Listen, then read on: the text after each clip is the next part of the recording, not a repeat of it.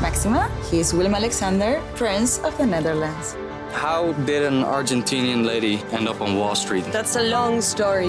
Well, I have time. Mama, Het is Maxima. Ik heb er nog nooit zo verliefd gezien.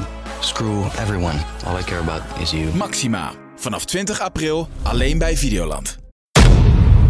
En wat je kan zeggen, nu ben je 14 jaar verder. Je hebt de hele wereld in elkaar geslagen.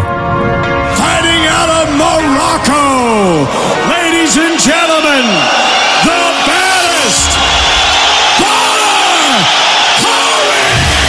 Dit is de prijzenkast. Met Tom de Graaf.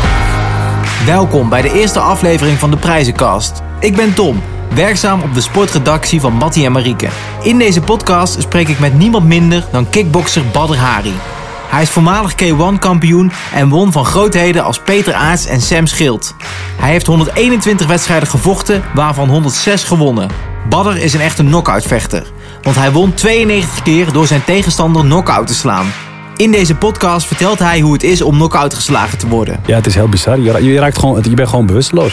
maar ook over zijn periode in de cel. Je moet roeien met de riemen die je hebt. Dat is in die, in die situatie ook voor mij toen geweest. En we hebben het natuurlijk over zijn laatste partij tegen Rico Verhoeven. Hij stond er wel. Hij deed alleen niet meer mee. Dat is het hele verschil. Wil jij meer horen van deze podcast? Abonneer je dan alvast. Want vanaf 6 januari is het gesprek met Badr Hari in zijn geheel te horen. En dan krijg je iedere week een nieuwe podcast waar ik in gesprek ga met topsporters zoals Daphne Schippers, Shinky Knecht en Kiki Bettens.